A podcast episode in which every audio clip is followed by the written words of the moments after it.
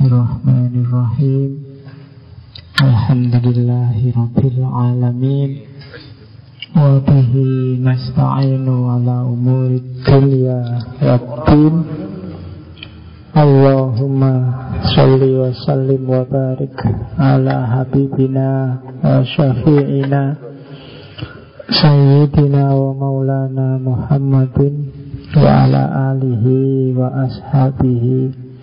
Wa man tabi'a huda ila yaumiddin. Amma ba'du. Bismillah.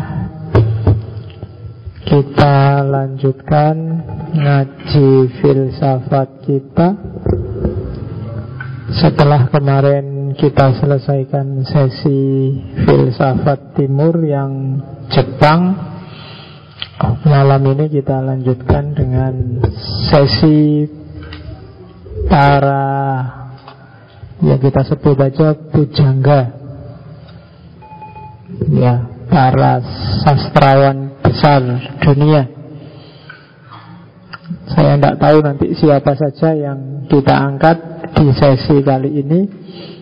Bisa tiga, bisa empat, bisa lima pokoknya nunggu moodnya ya sak sak bosan-bosannya saya lah saya kan tidak kamu kalau kamu bosan aku tidak ngerti pokoknya sak bosan-bosannya saya di sesi para pujangga ini malam ini kita awali dengan Khalil Gibran yang referensinya sangat banyak, sangat populer di Indonesia.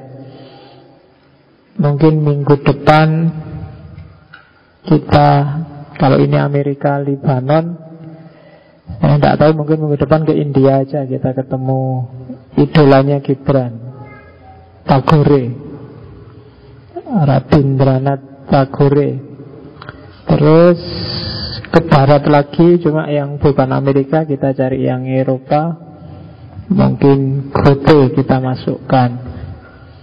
Terus ke timur lagi Kita masukkan yang Muslim ide saya mungkin kita ketemu Inayat Han yang agak kontemporer biar sejaman dengan Gibran dan kawan-kawan. Terus ke timur lagi. Saya tidak tahu siapa. Kemarin ada yang usul Jawa. Ya karena yang punya istilah pujangga kan sebenarnya Jawa itu. Awalnya memang bahasa Jawa. Terus diadopsi oleh beberapa sastrawan tahun pra kemerdekaan Sultan Takdir, Sanusi Pane, Armen Pane Lahirlah Pujangga Lama, Pujangga Baru Tahun 20-an, 30-an Cuma ketika zaman Jepang Lebih banyak dipakai istilah penyair daripada pujangga belakangan terus lebih masuk ke istilah sastrawan. Sebenarnya istilah pujangga lebih ya ya lebih dalam daripada sekedar penyair. Kalau pujangga itu kualifikasinya tidak sekedar yang bisa bikin syair. Kalau aslinya kalau dari Jawa itu kan pujangga dia semacam penasehatnya raja.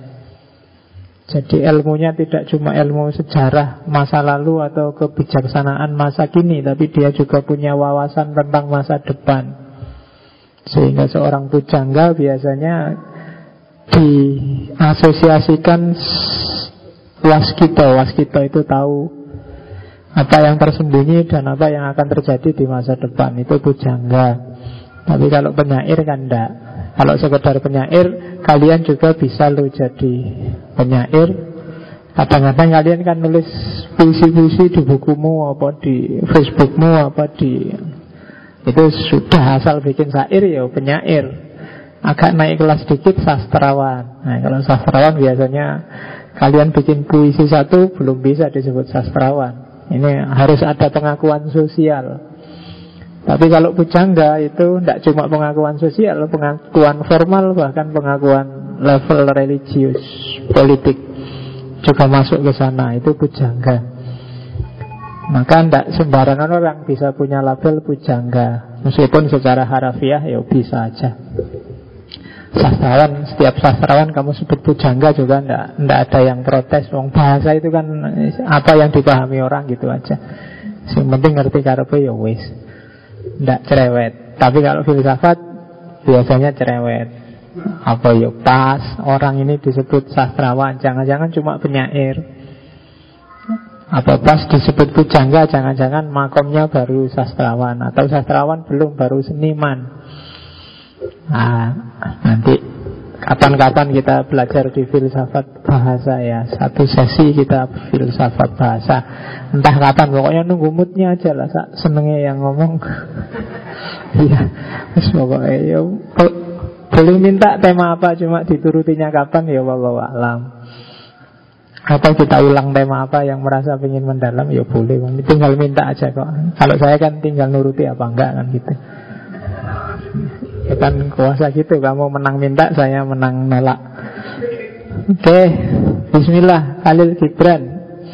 Saya agak akrab sama orang ini Karena dulu waktu bikin skripsi Tentang Khalil Gibran Ya, jadi agak kenal dikit-dikit lah dulu Tapi sekarang nggak terlalu kenal lagi Tahun sembilan berapa ya aku nulis skripsi itu Kamu belum lahir mesti Oh, jangan-jangan kamu masih balita. 97. Wis iso melayu tua berarti kalian itu ya.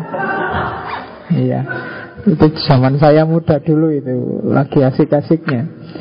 Ketika saya akrab dengan Khalil Gibran, selain skripsi lahir juga dua buku. Yang pertama filsafat cinta, yang kedua risalah patah hati. Apa waswis waswis Iya kayak. Iyalah kalau kalian nggak nyampe risalah patah hati Wong pacaran aja belum nggak sudah patah hati. Iya. Tapi enggak Ya enggak Enggak usah dibahas Wong belum punya pengalaman. Oke malam ini kita latihan sedikit dengan Khalil Gibran Mau nggak mau kalau Khalil Gibran Modus berpikirnya itu selalu arahnya pada cinta pada love. Mau nggak mau kita akan ngomong itu. Ngomong Gibran, saya pingin manusianya aja Pak. Saya pingin tentang Tuhan Pak. Saya macam-macam tapi nanti muaranya tetap Akar dan muara dan hulunya itu sama Nanti cinta. Modus berpikirnya selalu ke sana. Meskipun hari ini kalau saya ngomong cinta itu kalian kan agak rasanya kayak ah itu ABG pak mesin gitu Ah itu tema-tema cinta-cintaan tidak menarik Pak. Filsafat itu ya ngomong dekonstruksi Ngomong gitu-gitu tuh wacana Ngomong teori kritis Ngomong hermeneutik Itu keren Pak. Tapi kalau ngomong cinta itu ABG Pak. Tidak keren. Hari ini kan gitu. Tema-tema kayak gini dianggap tidak laku Karena Jujur harus diakui hari ini cara berpikir kita cenderung materialis, ekonomis peradaban kita ekonomis. Persis seperti ramalannya Mark. Saya sebut ramalan aja. Karena meskipun dia membaca realitas masyarakat zamannya, sebenarnya dia bisa membaca jauh ke depan bahwa sejak dideklarasikan modern sampai besok-besok akan kelihatan bahwa relasi antar manusia itu basis strukturnya adalah ekonomi itu yang bikin kalian apa-apa ngukurnya materialis. Sama temen Sama dosen Sama orang tua. Kalian selalu memberi relasi Antar manusia itu dengan perhitungan ekonomi. Aku dapat apa? Aku untung apa? Apa sih untungnya bagiku Kalau aku begini, kalau aku begitu? Itu kalau ditanya kalian bilangnya pasti tidak Tapi itu semacam bawah sadar. Bahwa kalian akan selalu mengkalkulasi apa-apa dengan relasi yang namanya cinta. Kalau sekarang saya ngomong cinta tanah air Berjuang membela negara itu kan rasanya Oh itu pelajaran SD pak. Rasanya kan gitu. Nasionalisme oh, itu dulu saja zaman SD pak.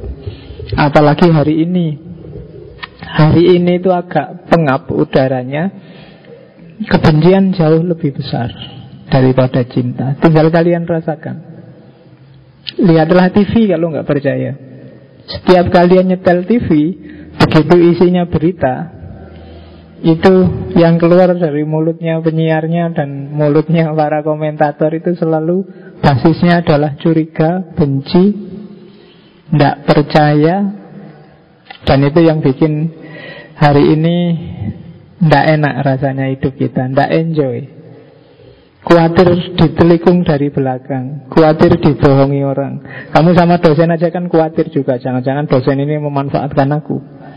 Jangan-jangan temanku ini besok mau nyalip aku. Suasananya, auranya jadi nggak enak Kamu nggak enjoy.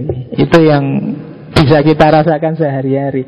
Maka kenapa? Sebenarnya secara nggak sengaja Saya masuk ke tema pujangga itu Ya sekali-sekali kita lembutkanlah perasaan kita. Sekali-sekali kita sentuh dimensi yang agak dalam Yang vital. Toh hampir semua mistikus Hampir semua sastrawan seniman bilang Cinta itu puncak dari moralitas.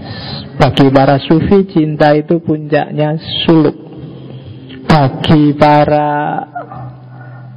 seniman sastrawan itu cinta itu puncaknya moralitas Bahkan di banyak kitab termasuk di Rumi nanti ya cinta itulah Tuhan dan seterusnya. Maka malam ini kita ketemu Khalil Gibran untuk membahas itu. Kalian sudah seolah-olah merasa ngerti, merasa bisa apa itu cinta. Tapi coba malam ini kita lihat Jangan-jangan yang kalian sebut cinta itu sebenarnya transaksi. Jadi dagang. Sebenarnya ujungnya ingin nyari enak sendiri. Nah, nanti kita ketemu di Gibran. Nanti kalau di Gibran kebanyakan puisi, mikirnya agak dalam. Kenalannya dia agak unik. Di salah satu puisinya dia bilang Lihatlah diriku Sebuah kata yang maknanya samar-samar dan membingungkan Kadangkala bermakna dan kadangkala bermakna banyak hal Eh kadangkala tidak bermakna, kadangkala bermakna banyak hal Unik ya Kalau kalian kenalan kan biasanya ngomong Namaku siapa, alamatku di mana Aku bisa apa Sudah nulis buku berapa Ya kan, karyamu sudah apa saja kan gitu gitu. Tapi kalau Gibran khas, Pujangga kan memang khas. Dia ngomong dikit aja maknanya banyak. Itu kan dalam sekali itu.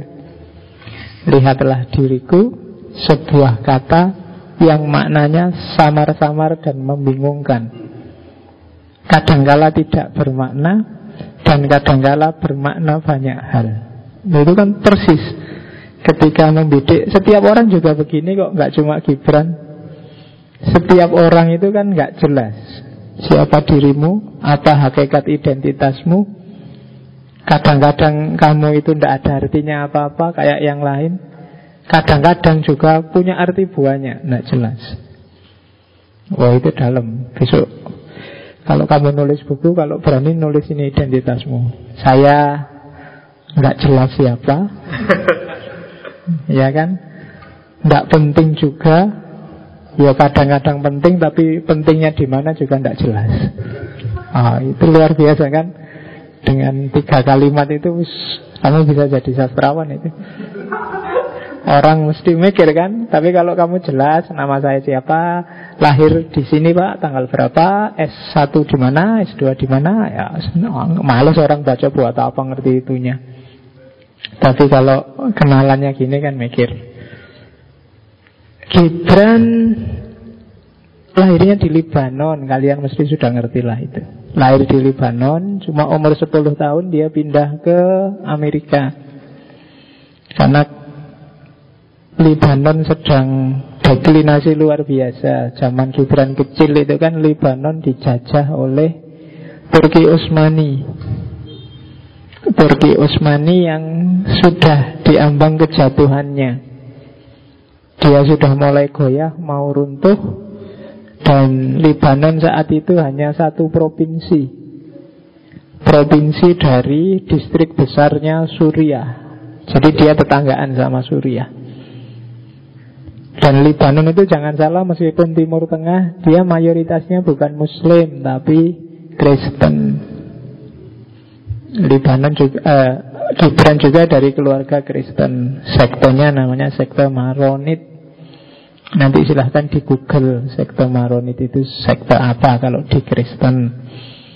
Dan meskipun namanya Halil Dia tidak Muslim Loh memang Timur Tengah kan gitu. Jub, Aslinya bukan Gibran tapi Jubron. Jubron Khalil Jubron. Cuma waktu pindah ke Amerika nah, Tukang ketiknya yang nulis registrasi salah ketik. Ya harusnya Khalil itu KHA Dia nulisnya KAH Akhirnya jadilah Tahlil Bukan Khalil Jubron ya orang orang Amerika yang tidak ngerti lah huruf jim huruf ba ya pokoknya ditulis Latin jadilah Gibran. Meskipun itu salah ketik sama Gibran dipakai terus sampai tua. Jadi namanya Khalil Gibran. Dia hidup hidupnya agak tragis nanti kita lihat ada beberapa yang perlu diketahui. Dia umur 10 tahun keluarganya ngungsi ke Boston, Amerika. Umur 13 tahun balik lagi ke Libanon untuk sekolah. Nanti sekitar umur 19 tahun Balik lagi ke Amerika. Melanjutkan sekolah. Dan Gibran ini multi talent Dia tidak cuma penyair sastrawan Tapi juga pelukis Banyak karya-karya lukisannya yang Dikoleksi museum-museum besar. Kalau kalian ada yang punya bukunya Gibran Biasanya disisipi satu dua hasil lukisannya Gibran. Dan zaman Gibran Jaya itu kan eranya disebut era romantisisme Era romantik. Lukisan-lukisannya juga tidak jauh dari era itu Yang jargonnya back to nature Kembali ke alam maka kalau kalian punya bukunya Gibran, kadang-kadang ada lukisan orang-orang telanjang gitu kan. Itu bukan pornografi. Telanjang tapi kan nggak membangkitkan gairah itu pinter orang lukis zaman itu kan. Kelihatan anunya itu tapi yo, kamu ngelihatnya nggak nggak kayak kalau kamu lihat fotonya Miyabi atau Julia Perez. Iya. Jadi kamu ngelihatnya biasa aja yang yang ada rasa artistiknya, keindahannya. Dan yang tidak pakai baju, tidak pakai tempelan apa-apa itu salah satu konotasi dari back to nature. Tidak ditutupin apa-apa, itu aslinya kayak gitu. Kalau ada panunya ya panunya kelihatan. Kalau ada rambutnya ya rambutnya kelihatan di dadanya maksudnya. Jadi maka lukisan-lukisannya cenderung naturalis tapi kebanyakan memang gaya orang telanjang. Bagus-bagus kalau ada yang mau koleksi, ada satu buku yang isinya koleksi lukisannya Gibran dan itu bisa di-download gratis. Cari sendiri nggak usah ngopi yang di saya. yang susah kamu nyari sayanya. Oke, jadi itu sekilas. Nanti sambil ada beberapa saya yang menjelaskan perjalanan hidupnya yang agak tragis. Gayanya memang dia pendiam. Meskipun dan pengikutnya banyak, yang mengidolakan dia banyak, tapi dia pendiam. Yang paling akrab menemani Gibran sampai dia meninggal itu kopi. Sehari dia bisa menghabiskan 50 gelas kopi. Biasalah ya penyair ya, enggak apa-apa. Kalau kamu kan enggak satu tapi gelasnya gede. Padha wae. Model 50 kan ibarat kan cangkir kecil itu 50 ya wajar. Kalian kan gelas es teh yang double itu.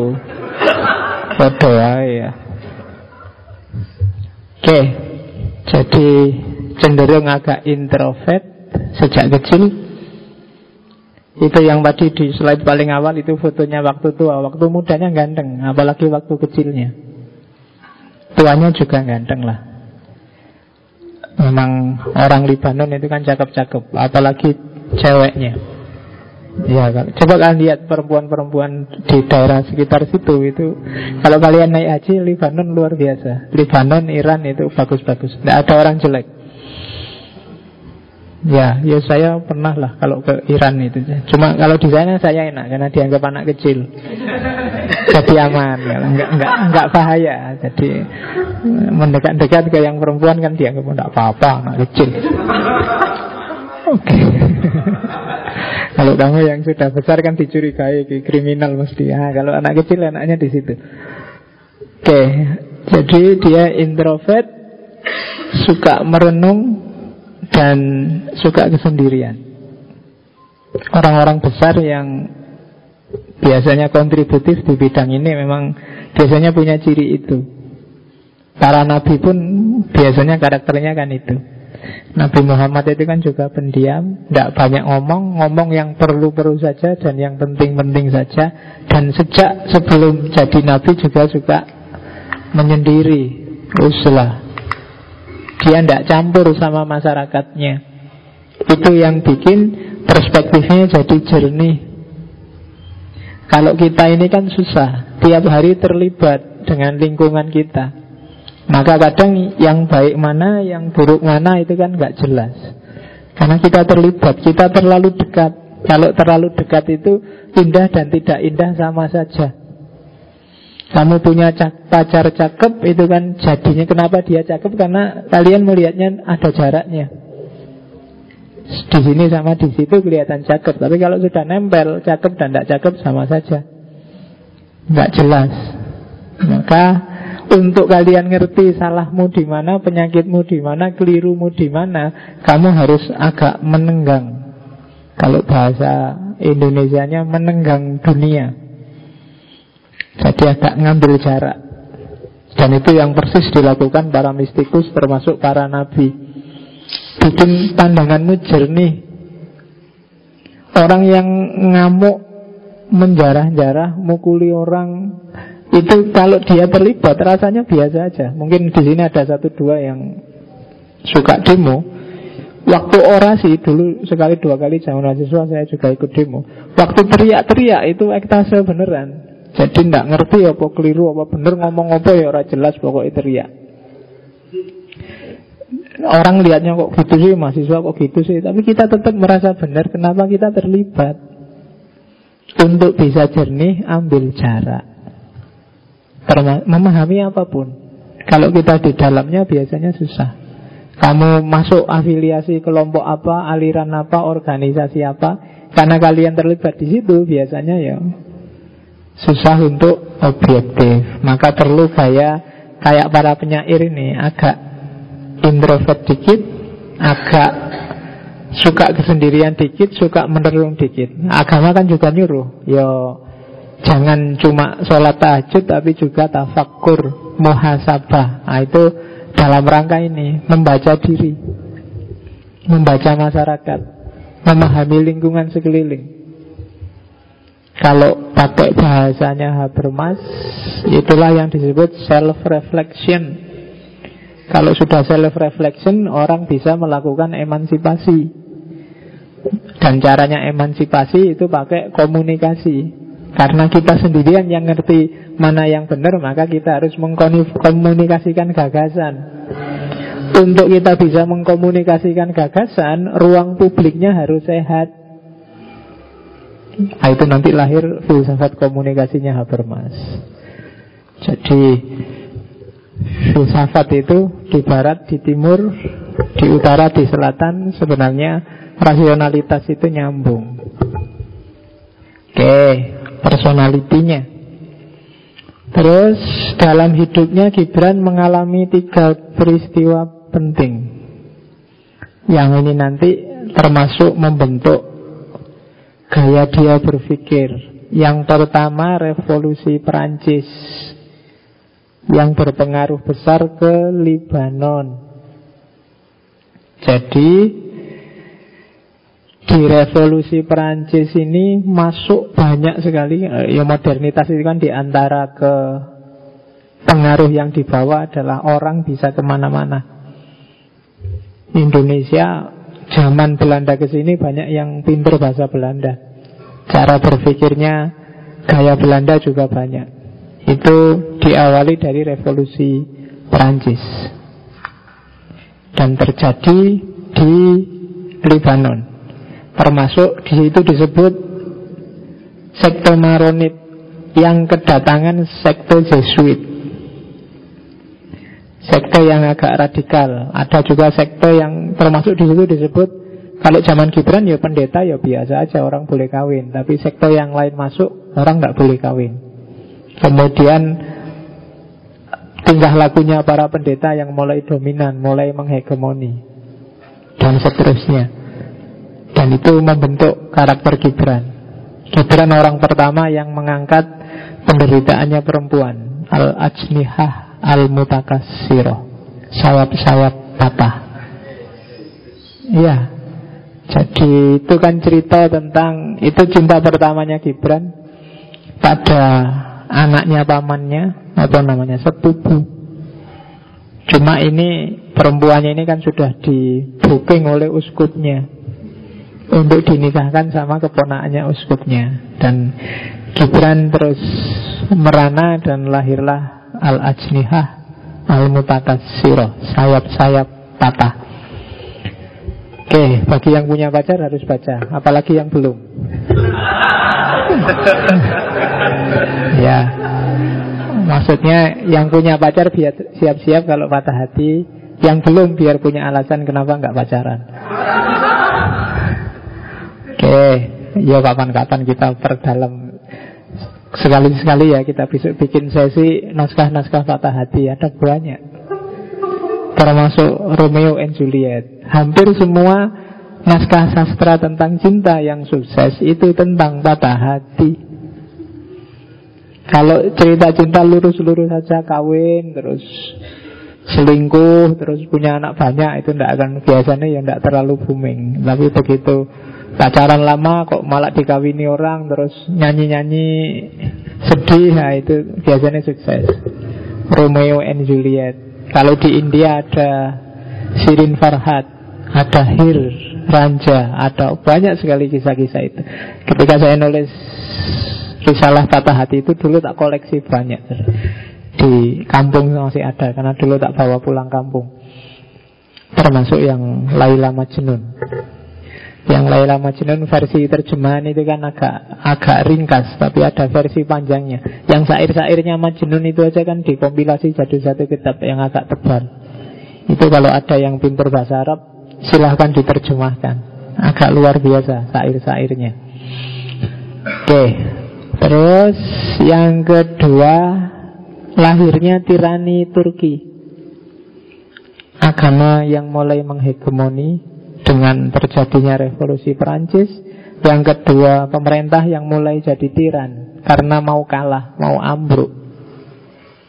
Turki Utsmani kan kekhilafahan besar Islam terakhir sebelum lahirnya nation state, negara bangsa. Yang ketiga, diresmikannya terusan Suez. Ini bikin pengaruh pemikiran gagasan-gagasan baru, ide-ide baru, timur barat bisa berhubungan. Tidak lagi sempit wawasannya. Ini tiga peristiwa penting dalam hidupnya Khalil Gibran. Jadi ini milieu, jadi setting historisnya. Dari kondisi semacam inilah nanti lahir Gibran. Terus yang lebih berpengaruh lagi kisah percintaannya. Jadi Gibran ini dalam hidupnya ada tiga hal yang sangat dia cintai. Yang pertama ibunya, yang kedua Libanonnya, yang ketiga perempuan-perempuannya. Dia punya banyak perempuan tapi tidak satu pun yang sukses dinikahi. Jadi meninggal bujangan dia, tapi pasangannya banyak. Gonta ganti pacar tapi tidak sempat kawin Meninggalnya juga tidak terlalu tua, sekitar umur 48. Tapi pengaruhnya besar, karyanya banyak. Tiga-tiganya cinta yang gagal. Sama ibunya, jadi waktu Gibran, ini kan dia pindah ke Boston, terus kuliah di Libanon, terus balik lagi, tapi dia tidak di Amerika ke Perancis untuk sekolah. Nah ketika dia kuliah di Perancis ini Saudara-saudaranya meninggal semua termasuk ibunya. Sekitar tahun yang saya ingat 1903 Dan itu meninggalnya beruntun Mulai bulan Maret, April, Mei, Juni 4 bulan. 4 bulan kehilangan kakaknya Dua kemudian ibunya. Kalau ayahnya sudah duluan Tinggal satu orang saudaranya namanya Mariana.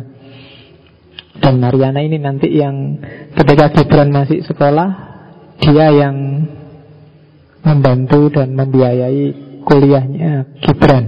Meskipun nanti Gibran dapat ibu kos yang bagus, namanya Mary Elizabeth Haskell. Ibu kos ini jadi pacarnya juga. Ya, Ya kalau kamu ingin aman kos-kosan gratis ya cari ibu kos. ya, ya ibu kosnya ini kepala sekolah kebetulan masih bujangan meskipun selisih umur 10 tahun. Dan bertahun-tahun berpasangan bahkan nanti al-ajnihah al-mutakasiroh itu persembahannya untuk Mary Haskell. Tidak untuk haladahir Haladahir itu yang tokoh utamanya. Meskipun kalau di al ajnihah diganti jadi namanya Selma. Selma Karami.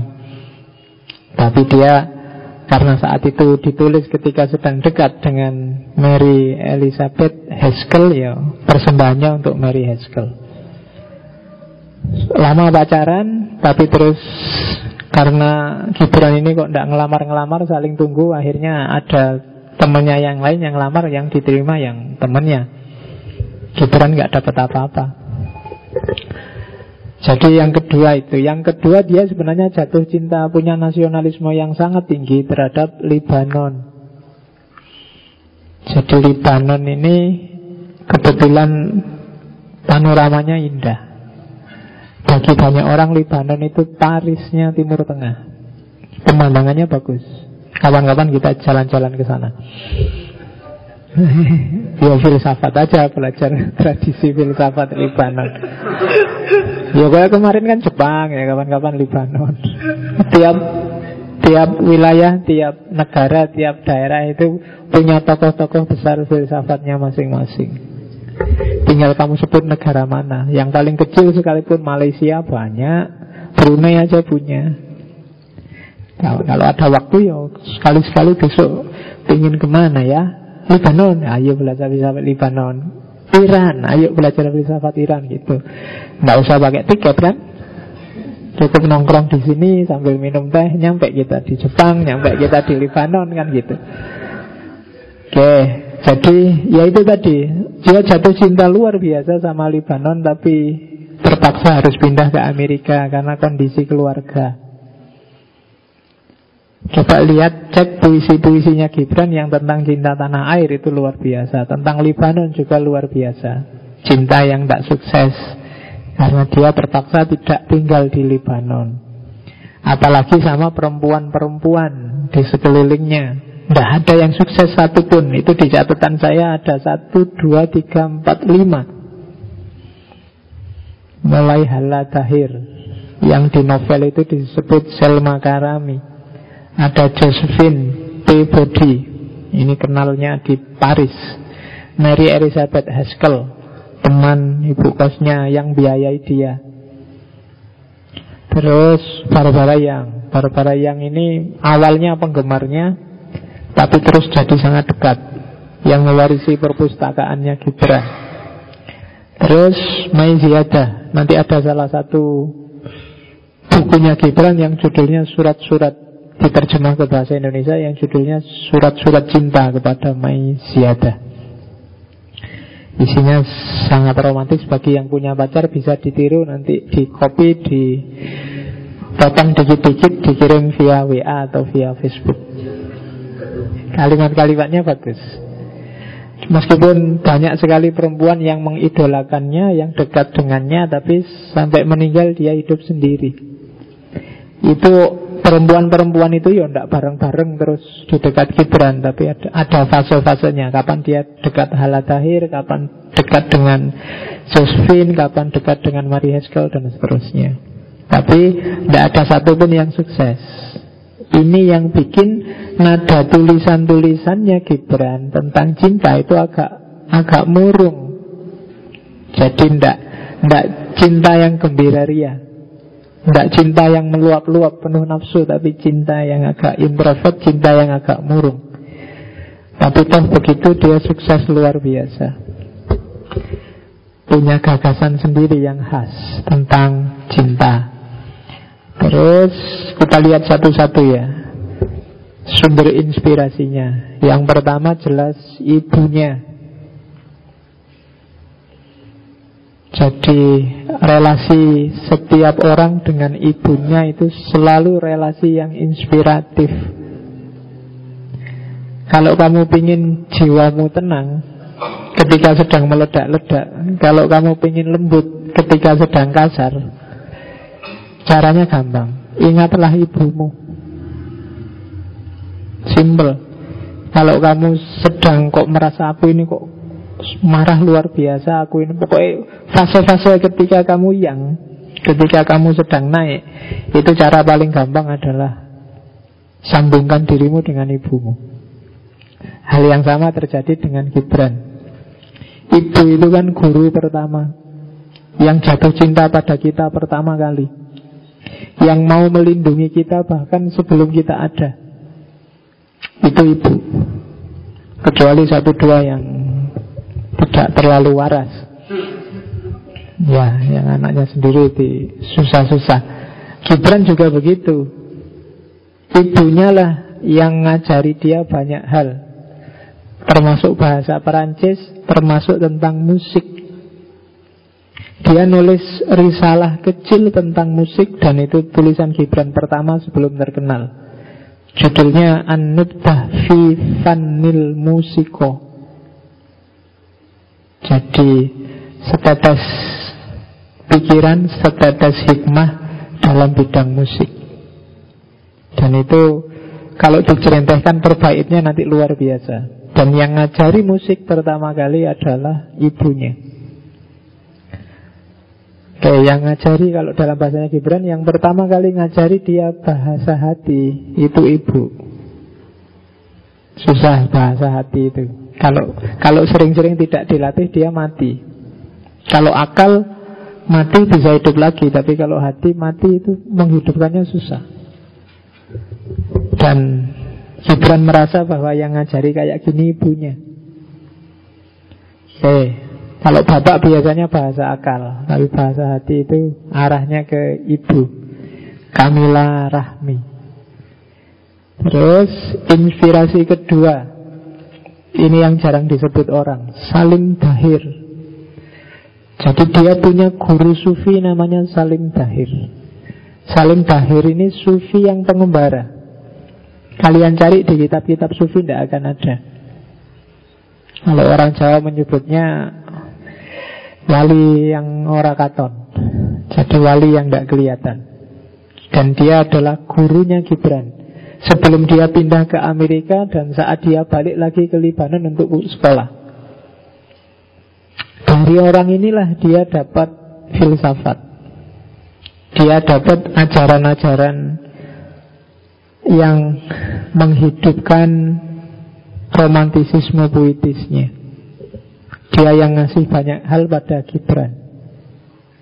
Jadi Salim Bahir. Wow, Biasanya orang-orang besar ada ininya Kalian carilah sumber inspirasimu sendiri. Karena kalau nggak punya sumber inspirasi ya stagnan. Sejago-jago kita juga susah untuk produktif Kalau nggak ada sumber inspirasinya. Maka Gibran punya Salim Tahir. Terus tadi tak sebut di antara idolanya Gibran juga budaya Cina dan India. Kebudayaan Cina itu dia dapat karena di Boston dia tinggalnya di pecinan. Tempatnya orang-orang Cina.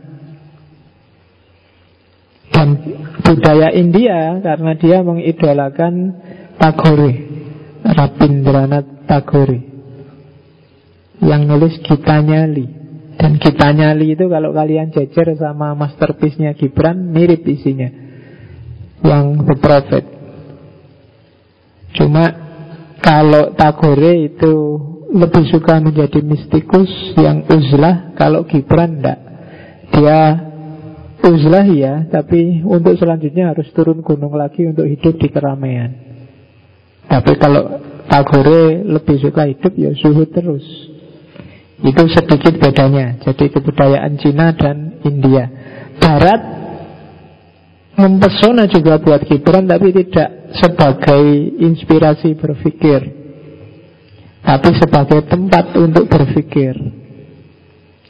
Gibran ini kan sastrawan jadi cara berpikirnya cenderung bebas. Dan berpikir bebas itu tempat paling nyaman di barat. Kalau di timur agak susah. Di Indonesia aja kan kalian seolah-olah demokratis bebas, tapi kalian mikir bebas beneran juga dipentungi orang. Kalau tiba-tiba kalian mikir apa gitu yang aneh-aneh yang tidak ada itu mesti kalian dipentungi orang. Misalnya kalian mau nulis surga itu sebenarnya kayak hotel bintang 5 Misalnya Mau ya bayanganmu sendiri kan gitu Apa-apa bisa, apa-apa boleh, apa-apa enak. Wah ini hotel bintang 5 Tapi kalau kalian nulis artikel judulnya surga Sama dengan hotel bintang 5 Wah itu kamu dipentungi orang Ya kan? Imajinasimu tidak laku di sini Di sini banyak sekali batas yang tidak boleh kalian tabrak Itu yang bikin Pikirannya-pikirannya Gibran juga awalnya juga ditentang luar biasa oleh tradisi Kristen Maronit. Tempat dia awal berkembang.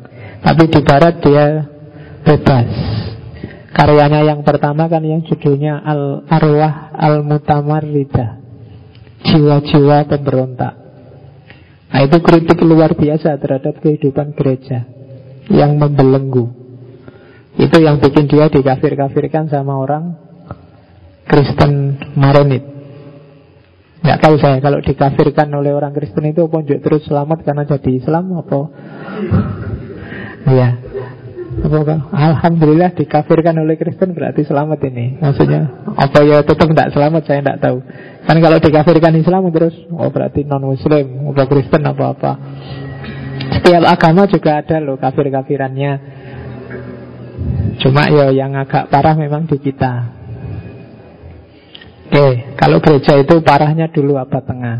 Kalau kita parahnya sekarang. Abad kontemporer. Dan jadi budaya Cina dan India. Kalian sudah kenal budaya Cina kemarin dan India juga sudah kenal. Oke, inspirasi juga Injil dan Yesus. Tidak boleh protes ya. Kok tidak Quran dan Muhammad? Oh, dia orang Kristen. Meskipun demikian, saya lupa ada ada peneliti yang dari Pakistan apa mana itu yang bilang bahwa Gibran ini sebenarnya sangat islami. Kalau baca puisi-puisinya Gibran itu seolah-olah ini kan terkenal di barat Gibran itu dada kanannya Yesus, dada kirinya Muhammad. Katanya begitu. Tapi ya silakan dibaca sendiri apa iya begitu. Dan dari kenapa Injil dan Yesus jadi inspiratornya karena misi besarnya Injil dan Yesus agak mirip dengan misi besarnya Gibran. Kasih sayang, cinta. Yesus itu kan sangat sufistik ajaran-ajarannya. Karena Kristen datang untuk menetralisir Yahudi yang sangat formalistik. Maka di teman-teman Kristen ibadah formalnya agak minimal. Tidak sebanyak kita. Jadi seminggu sekali sudah cukup. Ke gereja itu pun tidak ada aturan di sana seneng-seneng nggak? Kayak kita repot sholat wiritan ngantuk di sana bisa nyanyi-nyanyi bisa. Ya kan? Nah iya enggak kayak kita kan Kita serius. Kamu ngobrol di masjid Waktunya orang sholat bisa dimarahi banyak orang. Nah kalau di Kristen Seneng-seneng nyanyi-nyanyi Yang penting. Yo khasnya masing-masing. Karena memang dulu Yesus membawa ajaran yang baunya sangat sufistik Ajarannya Idolanya beberapa sufi itu malah kan Bukan Muhammad Ada Saya lupa itu yang idolanya malah Isa Nabi Isa ini memang dikenal sangat lembut orangnya. Tuh, kalau di hadis kan gambarannya nggak kayak yang di patung-patungnya Barat itu. Wajahnya bukan wajah bule. Kalau di Barat itu kan Yesusnya wajah bule. Jadi wajahnya wajah Timur Tengah yang jenggotnya agak panjang, cuma wajahnya itu agak agak total-total kayak orang bekas kena cacar. Yang istimewa matanya, matanya sangat teduh. Jadi orang yang dekat dengan Yesus biasanya terpesona oleh kelembutannya. Oke, dan sangat mempengaruhi Gibran, cinta dan kasih sayang. Eh, balik lagi. Terus inspirator juga bagi Gibran Nietzsche.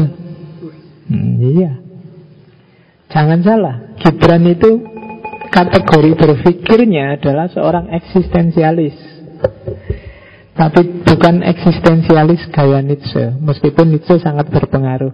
Sama-sama mengidolakan Ubermens, manusia super. Cuma manusia supernya Nietzsche tidak sama dengan manusia supernya Gibran. Dua-duanya sama-sama tidak memprogan, tidak mempropagandakan agama tertentu, sama-sama anti tatanan nilai yang dipalsukan, dimodifikasi untuk kepentingan, kemudian anti batasan-batasan yang mengkotak-kotakkan manusia. Dua-duanya menghargai manusia eksis sebagai dirinya sendiri tidak harus direduksi oleh agama, direduksi oleh aliran, direduksi oleh kelompok. Setiap orang jadilah dirinya sendiri dan tanggung jawablah terhadap hidupnya sendiri. Eksistensialis. Cuma kalau Nietzsche eksistensialisnya, Ubermensnya, Supermannya tujuannya untuk kompetisi. Siapa yang dapat kuasa duluan. Yang nggak dapat kuasa, rebutlah kuasa itu. Itu Nietzsche. Kalau kamu kalah, kamu tidak bisa mengekspresikan kedirianmu, rebutlah. Sampai kamu dapat kuasa, syukur-syukur bisa menguasai orang lain. Kalau Gibran, enggak.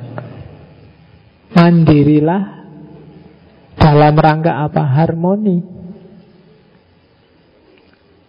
Jadi ekspresikan dirimu sesuai apa adamu dan kalau setiap orang mengekspresikan dirinya secara jujur Pakai hati nuraninya masing-masing Sesuai dengan fitrah kemanusiaannya Hidup ini akan tentram, harmonis Begitu ada kenapa sih kok selalu mandiri individual kok bukan kelompok Karena begitu orang berkelompok biasanya bikin aturan Bikin aturan ini Awal-awal mungkin relevan, tapi begitu waktu berjalan dinamika ganti biasanya aturan ini akan jadi belenggu, dipaksakan.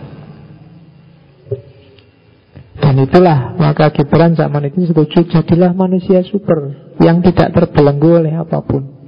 Tapi mandiri berpikir, mandiri menalar pakai nurani yang jernih. Kalau semua orang kayak gini, dunia akan tertib. Nah itu bedanya Gibran sama Nietzsche. Kalian boleh milih mau gaya Gibran atau mau gaya Nietzsche. Kalau gaya Nietzsche berkompetisilah sama yang lain, taklukkan yang lain sampai kalian jadi yang nomor satu. Tapi kalau gaya Gibran, tidak usah mikir yang lain, angkatlah kualitas dirimu sebagai manusia setinggi-tingginya dan yang lain akan harmonis dengan sendirinya. Kalau kalian bagus, nanti yang di sekeliling kalian juga akan terimbas ikut bagus. Kalau setiap orang berpikir kayak gini, ya harmoni akan terjadi. Dua-duanya gaya bahasanya agak sendu, saya sebut tadi agak murung. Cuma kalau Nietzsche ini cenderung destruktif, kalau Gibran lebih suka yang konstruktif dan produktif. Itu bedanya. Oke, masih banyak nanti slide-nya. Karena slide lama panjang. Yang kedua, para seniman Boston.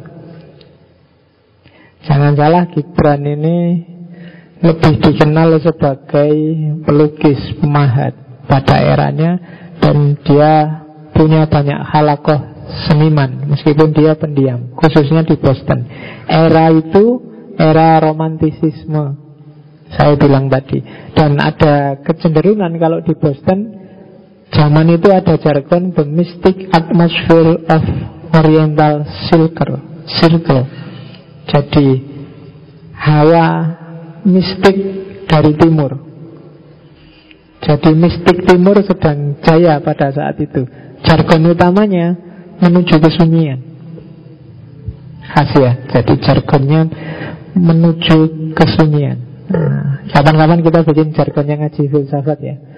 Menuju ketidaktahuan misalnya.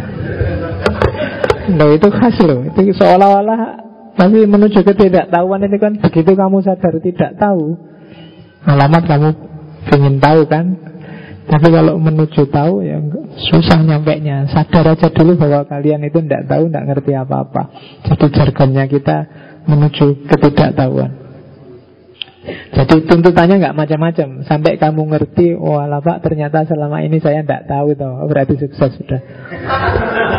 Ya. Lo yang kayak gini ini nggak gampang loh. Banyak orang merasa tahu. Nggak tahu kayak tahu-tahu oh, kan gitu. Oke Jadi Gaya kayak gini Menuju kesunyian itu yang mesti klop Sama karakternya Gibran.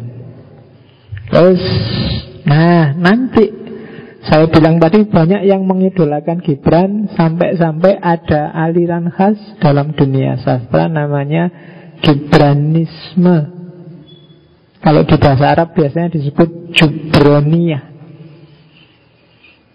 Jadi Gibranisme itu yang menginisiasi grupnya Gibran Dia punya satu kelompok penulis Murid-muridnya yang disebut Robitoh Al-Kolamiyah ikatan para penulis. Beberapa muridnya terkenal, misalnya Elia Abimahdi, Nasib Arido, Fauzi Al-Ma'luf, termasuk yang banyak menerjemahkan bukunya dalam bahasa Arab. Mikael Nuaimi. Jadi orang-orang inilah nanti membawa gaya baru dalam dunia sastra yang mengikuti gayanya Gibran namanya Jubroniyah. Cirinya apa? Ciri yang pertama adalah romantik romantis. Ya, ya romantis itu tidak sama kayak bahasa Indonesia ya. Kalau di Indonesia kan romantis sama dengan gombal. Kalau romantisisme enggak, romantisisme itu saya bilang tadi merujuk ke era aliran mungkin dulu bisa dibuka lagi babnya tentang romantisisme termasuk Voltaire dan kawan-kawan. Jadi arahnya hidup yang sesuai fitrah, yang alami, sesuai kodratnya manusia. Itu romantisisme. Dari asal kata roman. Roman itu kan karya sastra yang isinya biasanya kisah percintaan. Cuma sebelumnya roman itu karya sastra di Romawi isinya heroisme pertempuran. Tapi terus di sastra dibagukan jadi karya sastra yang tekanannya pada emosi kejiwaan. Dan karya sastra yang kayak gini disebut romantis. Meskipun nanti begitu masuk ke Indonesia, romantis itu disebutnya cara berpacaran yang apa ya, kamu romantis banget ya kayak gitu itu. Jadi romantis itu kalau pacarnya malam-malam ngajak makan di kafe yang remeng-remeng terus di sana ah, itu disebut romantis sekali ya suasananya gitu. Tapi bukan itu maunya. Jadi cara berpikir yang natural, alami, basisnya bukan akal tapi perasaan. Terus yang kedua, gaya simbolis kiasan, metafor, sang, biasanya mengkritik sesuatu. Dan yang ketiga, tidak pusing dengan aturan-aturan sastra. Tidak pusing dengan, oh ini belakangnya A, sampirannya isinya juga belakangnya harus A. Itu Gibran jawab dengan itu. Pengen ngomong ya ngomong aja. Tidak harus ritme, tidak harus aturan. Kalau di prinsipnya Gibran, apa yang keluar dari hati dan ketika ditangkap dari, ditangkap oleh hati pasti romantis. Tidak harus ada ritmenya. Kamu surat-suratan sama pacarmu kan dia nulis apa aja rasanya kan enak. Indah. Tidak harus kamu ada puisinya nih di belakang A, A lagi, A lagi, tidak harus. Dan beberapa sastrawan Indonesia kan ada yang gayanya kayak gini. Seolah-olah dia ngomong biasa aja cerita Tapi rasanya itu beda dengan prosa biasa.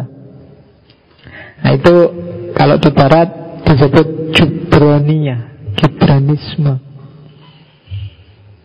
Terus eksistensialis saya tadi sudah sebut Gaya Gibran sama gaya Nietzsche itu biasanya dibedakan. Kalau Nietzsche itu eksistensialis sayap kiri kalau Gibran eksistensialis sayap kanan. Nah, jadi ada eksistensialis kiri dan kanan. Tinggal kalian milih yang mana. Ya, itu sebutan belakangannya aja Gibran ya orang ngerti dikasih label kayak gini.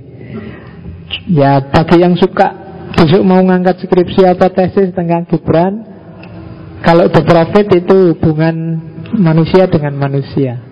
Kalau hubungan manusia dengan Tuhan itu the earth God. Kalau yang banyak hubungan antara manusia dengan alam itu cari The Garden of the Prophet. Itu buku-buku babonnya. Silahkan bagi yang ingin neliti ke sana.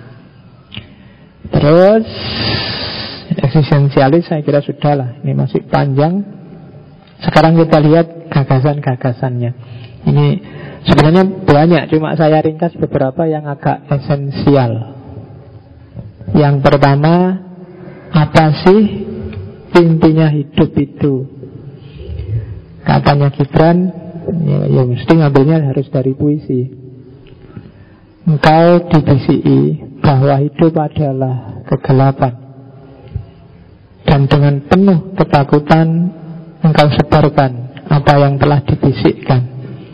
Dengan penuh kebimbangan. Kuartakan padamu bahwa hidup adalah kegelapan jika tidak diselimuti oleh keinginan. Dan segala keinginan akan buta bila tidak diselimuti pengetahuan. Dan segala macam pengetahuan akan sia-sia bila tidak diiringi kerja.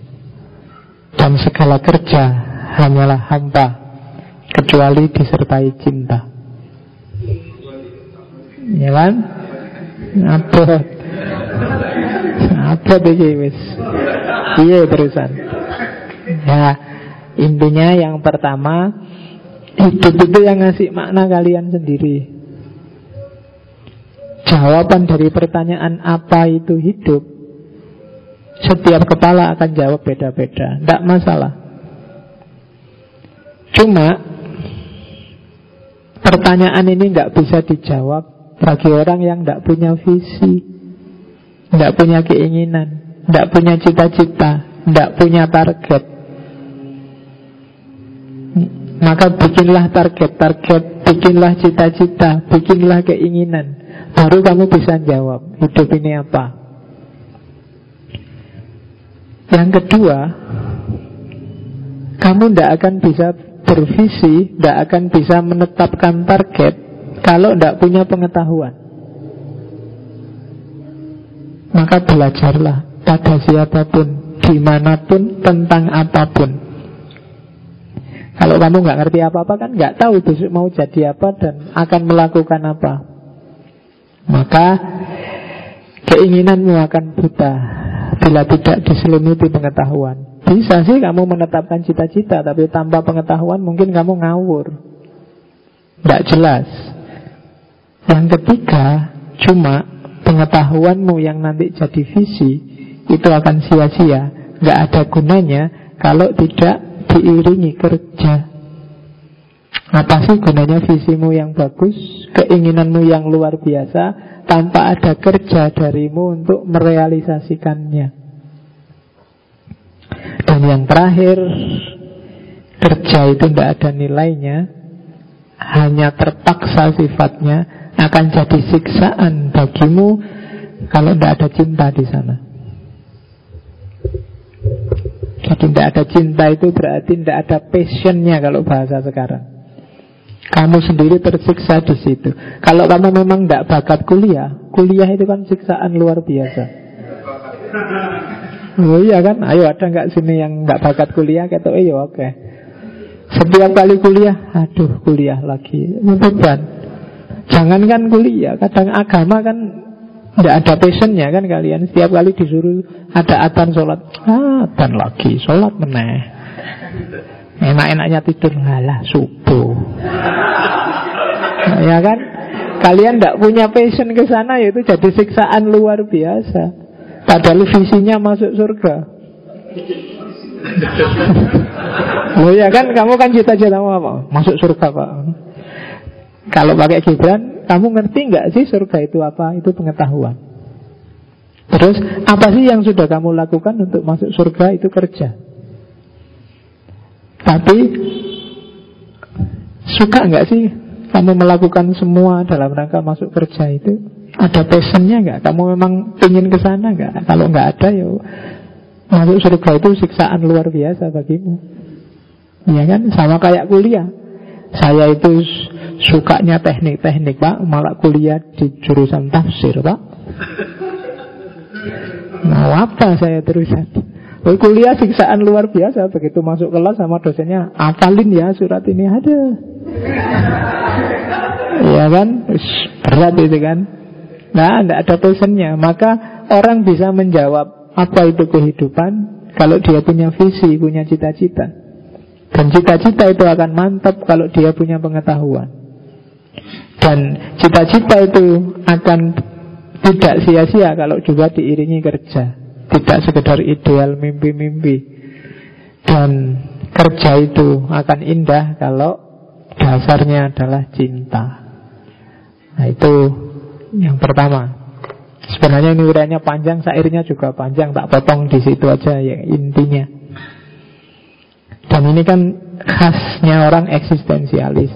Ya karena ngomongnya pakai cinta, pakai itu kan sayap kanan. Kalau di Nietzsche, tidak nyampe dia ke cintanya. Jadi eksistensialisme sayap kanan. Kehidupan. Ah, Ini Ini syair selanjutnya kebalikannya. Tadi kan dari bawah ke atas Ini dari atas ke bawah. Hidup tanpa cinta Seperti pohon tanpa bunga. Juga buah Cinta tanpa keindahan Seperti bunga tanpa wangi Buah tanpa biji Hidup, cinta, dan keindahan adalah tiga intisari dalam satu diri. Bebas, tiada berubah atau terpisah. Ya, yang ini maksudnya sama, nggak harus saya jelaskan lagi. Oke, ini masih panjang, tak jelasin satu-satu habis. Oke, sekarang kedua. Jadi kita bahas yang paling tinggi sebelum ke yang lain. Yang pertama cinta. Cuma agak susahnya bagi cinta Bagi Gibran cinta itu keheningan Semakin orang cerewet Ngomong tentang cinta Semakin dia jauh Semakin orang sering ngomong poligami Sebenarnya dia tidak berani poligami Yang poligami itu yang tidak banyak diskusi tentang poligami Pokoknya kawin Ya kan yang sudah punya pacar itu biasanya nggak ribut kalau ada orang ngomong pacar-pacar as ngomong toh segini sudah ngalami. Tapi yang nggak punya pacar itu biasanya cerewetnya luar biasa. Iya. Kalau ada orang ngomong cinta-cintaan dia ketawanya paling keras karena nggak punya referensi sendiri.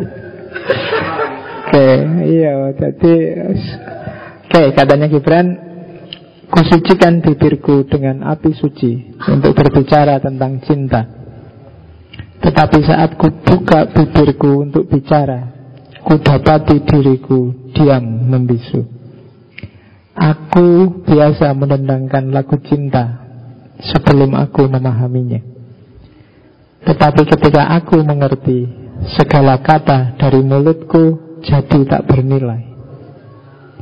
Dan nada-nada cinta dalam dada jatuh dalam keheningan yang luruh. Jadi cinta itu kayak pedes, kayak pahit, kayak manis. Semakin panjang penjelasannya Semakin tidak pas Menggambarkan realitasnya. Cara paling gampang untuk memahaminya Bukan dijelaskan Tapi dirasakan langsung. Jadi bagi para penyair Dunia kata-kata tentang cinta itu dunia yang dangkal Semakin tebal buku yang menjelaskan tentang cinta, semakin dia dangkal. Karena dia harus memaksa dunia keheningan menjadi dunia keramaian. Terus tidak usah dijelaskan neko-neko, praktek aja langsung. Iyalah. Ya kalau saya ngomong praktek cinta bukan kok terus hanya pacaran saja. Kan banyak. Bahkan setiap apa pun yang ada di sekelilingmu Pakailah relasi tertinggi yang namanya cinta. Hidupmu akan indah. Coba aja. Selama ini semua kegalauanmu Karena kamu ngasih nama relasi yang macam-macam Kalau sama ini temen Kalau sama ini musuh Kalau sama teh ini ini pemberian gratis. Kalau sama relasi ini macam-macam Tapi gantilah semua relasi dengan cinta. Itu akan enak hidupmu. Demi dirimu sendiri dan nggak usah dibahas. Kayak gimana ya Pak? Cinta sama teh itu kayak gimana? Us, Kamu bisa sendiri pasti. Cinta itu keheningan. Jangan cerewet. Dipraktekkan aja langsung. Yang kedua Satu-satunya yang harus kamu lakukan Dalam cinta Tidak banyak sebenarnya. Hanya satu yang perlu kamu lakukan. Pasrah Ini kan puisinya yang paling terkenal itu kan. Kalian pasti pernah dengar puisi ini. Apabila cinta memanggilmu Ikutilah dia. Walau terjal berliku-liku jalannya. Apabila sayapnya merangkulmu Pasrahlah. Serta menyerahlah. Walau pedang yang tersembunyi di balik sayap itu Membuatmu terluka jika dia bicara padamu, percayalah. Walau ucapannya membuyarkan mimpimu, bagai angin utara yang menghancurkan taman bunga. Sebab sebagaimana cinta memahkotaimu, demikian pula dia menyalipmu. Demi pertumbuhanmu juga pemangkasanmu.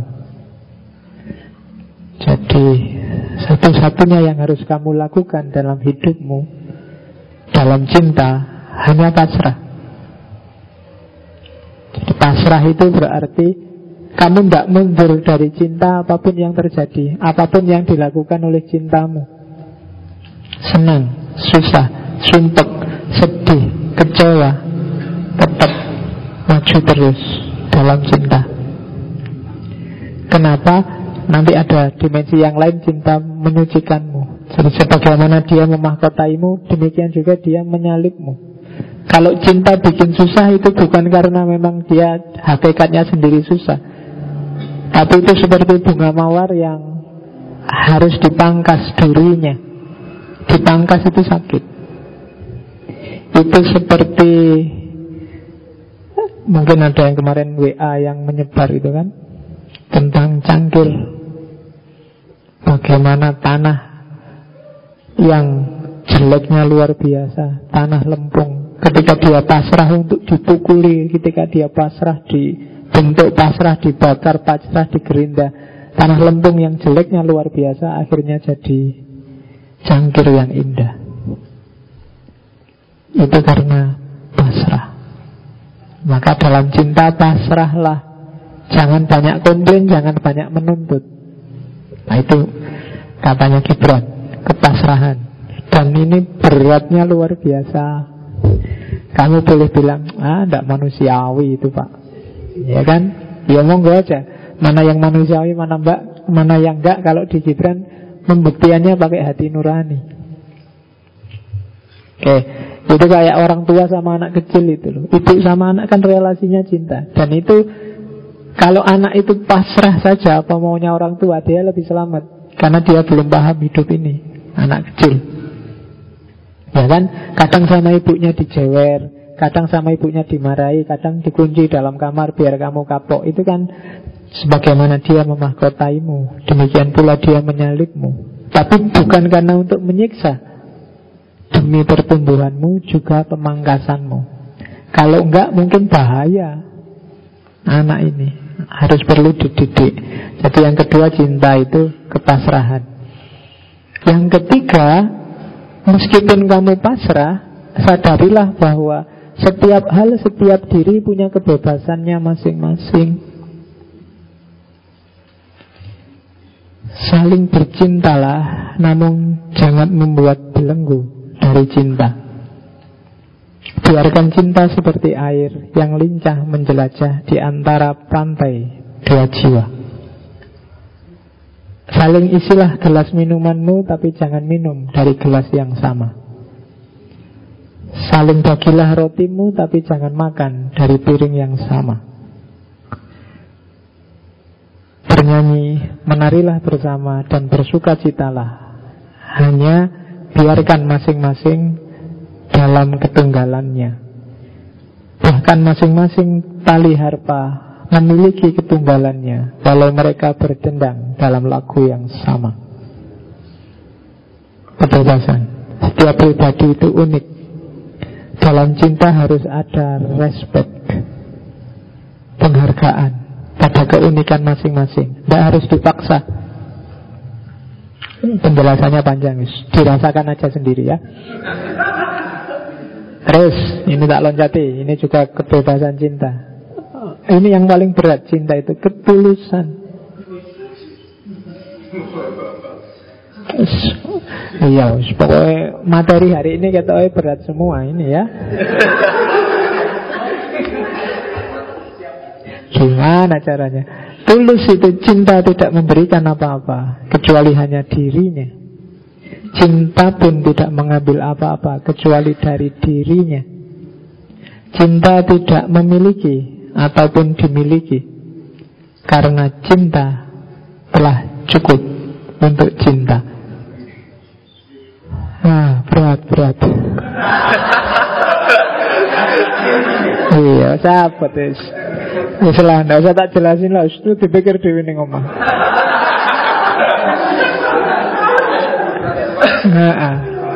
Apalagi ini? Cinta yang sebenarnya adalah ketika kamu menitikkan air mata dan masih peduli terhadapnya. Adalah ketika dia tidak mempedulikanmu dan kamu masih menunggunya dengan setia.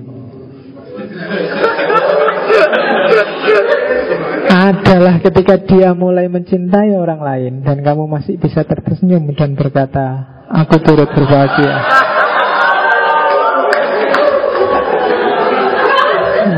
Iya. Ya wis. Sabot aku Nah bagi yang tidak punya pacar bisa pakai puisi ini. Pokoknya bagi yang habis nembak ditolak itu tidak apa-apa lah. Cinta yang sebenarnya. ya wis. Wis wis. Terus. Ini termasuk yang ketulusan. Mungkin akan tiba saatnya di mana kamu harus berhenti mencintai seseorang. Bukan karena orang itu berhenti mencintai kita, melainkan karena kita sadar bahwa orang itu akan lebih bahagia apabila kita melepaskannya. Iya. Ya. Ya wes, pokoknya sini jomblo-jomblo sing ora payu itu ya seneng ya guys. Pokoknya yang tidak punya pacar seneng pokoknya. Seneng. Sah itu pokoknya. Oke. Okay. Ini ya lebih anu lagi. Cinta hanya mengajarkan aku untuk melindungimu bahkan dari diriku adalah cinta yang bebas dari api. Itu maksudnya dari nafsu yang menahanku dari mengikutimu pergi ke tempat yang jauh. Cinta membunuh hasratku sehingga engkau bisa hidup dengan bebas dan benar. Cinta yang terbatas mencari kepemilikan dari orang yang dicintai. Namun cinta yang tak terbatas hanya mencari dirinya sendiri. Jomblo, jomblo. ya. Yalah, tidak apa-apa lah. Kamu pinjam aja nanti kalau kamu nembak ditolak itu. Aku hanya cinta hanya mengajarkanku untuk melindungi bahkan dari diriku sendiri. Tenang aja, aman pokoknya kamu. Nah, Kadangkala orang yang paling mencintaimu adalah orang yang tak pernah menyatakan cinta kepadamu Karena takut engkau berpaling dan menjauh Lalu bila suatu saat ia pergi Kau akan menyadari bahwa dia adalah cinta yang tak kau sadari. Ya wis. Oke. Ini ngalami semua apa enggak ngalami semua? iya kata eh. Materi ini kok berat. Oke. Ternyata berat sekali katanya Gibran laksana butir-butir gandum kau akan diraihnya ke dalam dirinya. Maksudnya oleh cinta. Ditumbuk-tumbuknya engkau sampai polos telanjang. Diketamnya dirimu sampai terbebas dari kulitmu. Digosoknya tubuhmu sampai putih bersih. Diremas-remasnya dirimu sehingga mudah dibentuk.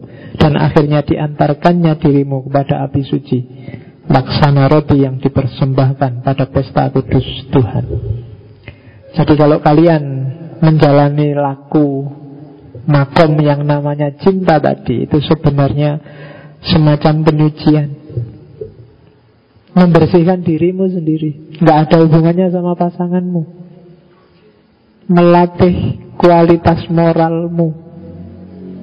Puncaknya ajaran agama itu ikhlas. Puncaknya cinta pada ketulusan. Dan itu memang berat. Pahit, perih. Tapi hasilnya bagus. Penyucian.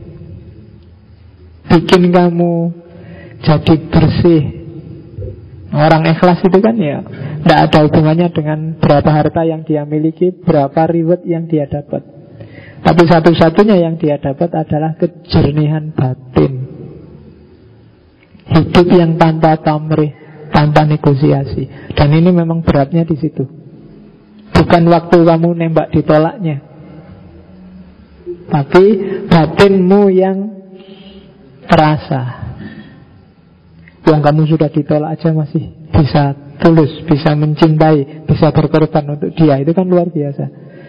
Dan ketika kamu terlatih kayak gini, relasi apa pun, ketika labelnya adalah cinta, akan terasa ringan. Dan kamu akan mencapai, yaitu saya sebut tadi makom kalau di sufi. Dan ini makom tertinggi, agak susah.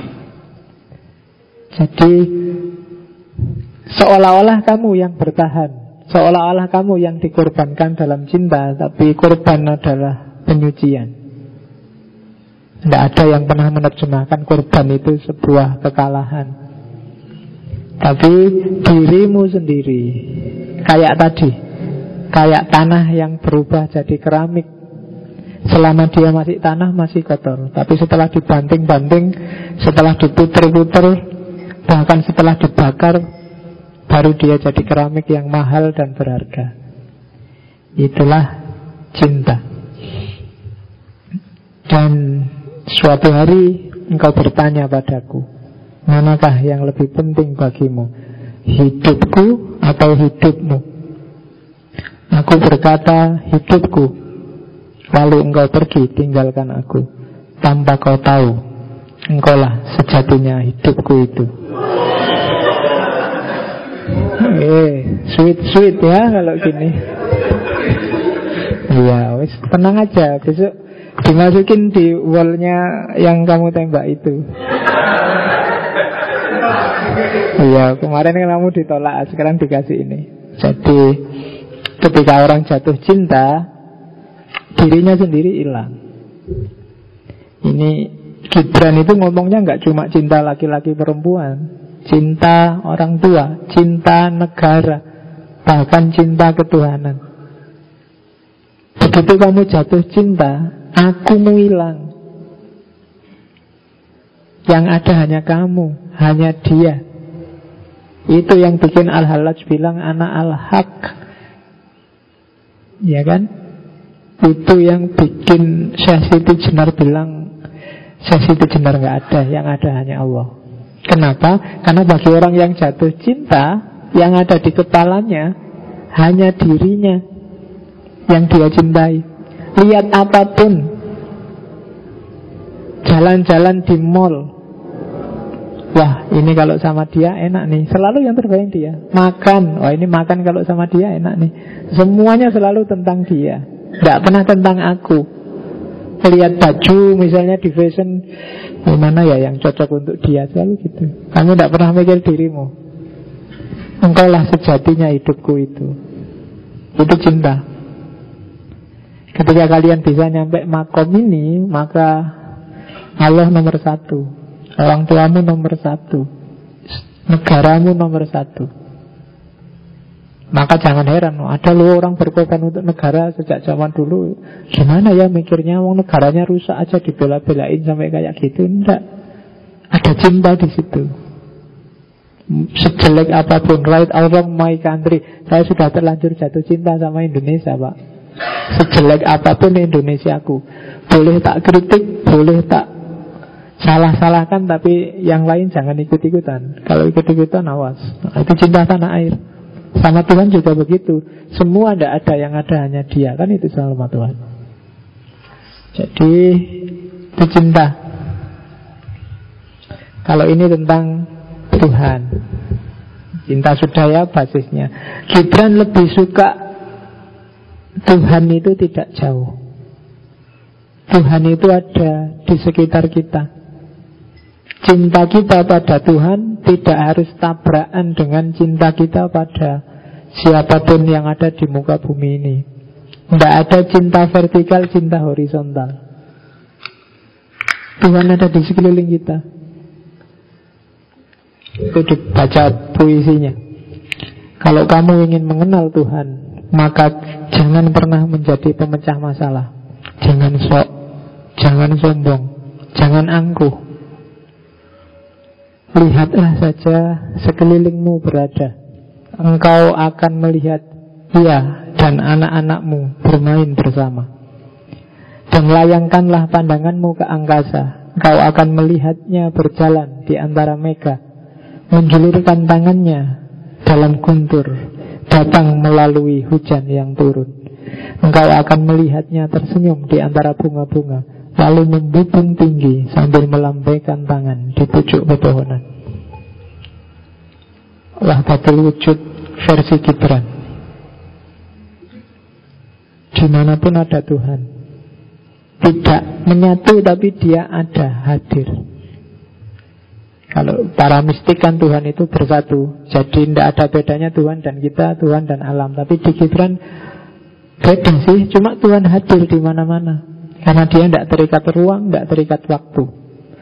Tuhan hadir di sini pasti hadir. Ikut ngaji filsafat. Ya kan? Tuhan hadir di kamarmu, di kos-kosanmu pasti hadir. Di mana-mana kamu nggak perlu jauh-jauh, nggak perlu teriak-teriak kalau manggil Tuhan. Makanya kan ada orang yang berdoa keras-keras terus dimarahi sama Nabi emangnya Gusti Allah itu tuli apa? Tidak perlu teriak-teriak, nggak perlu bilang Allah Akbar keras-keras, Allah juga ngerti kok. Jadi Tuhan ada di mana-mana. Kalau kamu sedang kesepian, percayalah di sisimu ada Tuhan. Tuhan sangat mencintaimu jauh daripada kamu mencintainya.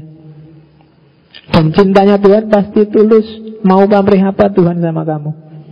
Dia tidak butuh apa-apa sama sekali padamu Dan kamu sangat butuh padanya Itu pun kamu mencintai dia nggak terlalu tulus Kamu selalu pamrih Kalau nggak percaya coba dilihat Kalau berdoa kamu minta apa Begitu kamu sholat tahajud, ya Allah, ini tidur malam-malam saya bela-belain tahajud, semoga kan selalu kita mesti minta. Kamu minta kompensasi. Kompensasi itu menunjukkan tidak tulus. Tapi ya Allah karena dia sangat cinta padamu dan tulus, tidak apa-apa kamu nggak tulus diterima juga. Nah, jadi kalau kamu mendekat selangkah, katanya para sufi dia mendekat seratus langkah. Cuma selama ini kamu jarang mendekat. Jadi Allahnya bingung lah, ini aku mendekat berapa ini? Kamu nggak mendekat-mendekat sih. Tapi itu pun Allah juga nanti mendekatimu, jangan khawatir. Karena dia sangat cinta padamu. Dia tidak cuma Rahman, tapi juga Rahim. Cinta yang sangat dalam. Dan pasti tulus dan jangan khawatir, kamu jangan kebingungan kalau ada apa-apa Tuhan di mana. Ini asap pekat sekali Tuhan di mana. Ini Indonesia kacau sekali Tuhan di mana. Dia selalu ada kok. Emangnya selama ini kamu pernah tanya padanya? Begitu kejadian baru tanya?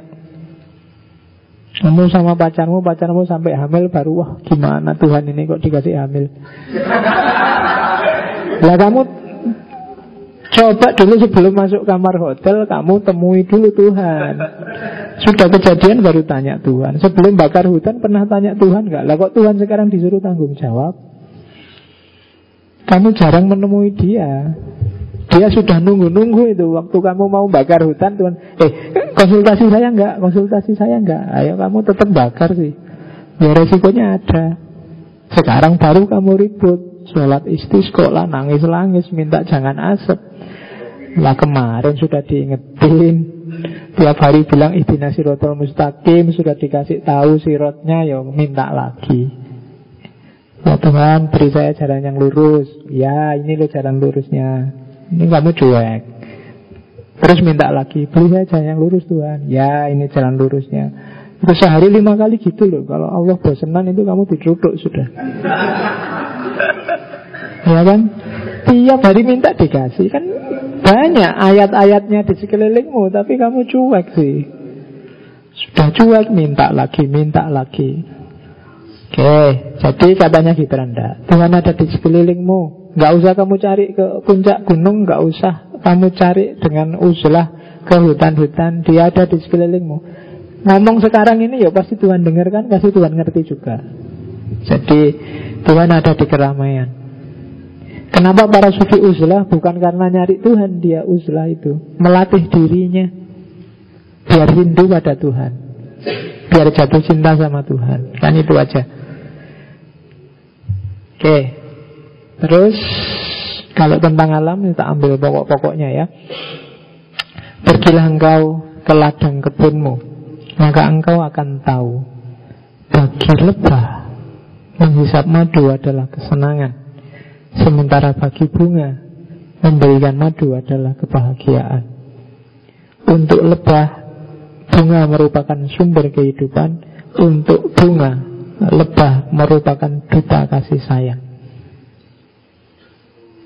Ekologi.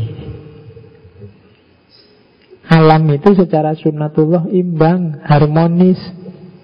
Kita yang merusak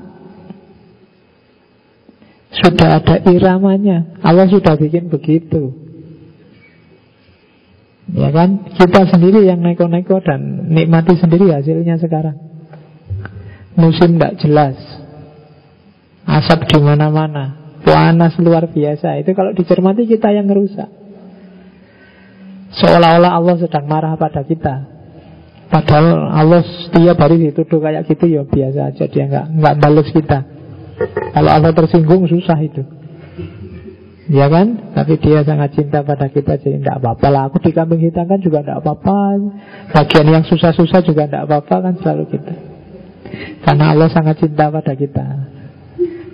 Oke Jadi Bagi yang nanti tertarik Gibran Sisi ekologisnya intinya di sini. Tidak ada alam itu. Manusia makanya kembalilah ke sifatnya yang natural.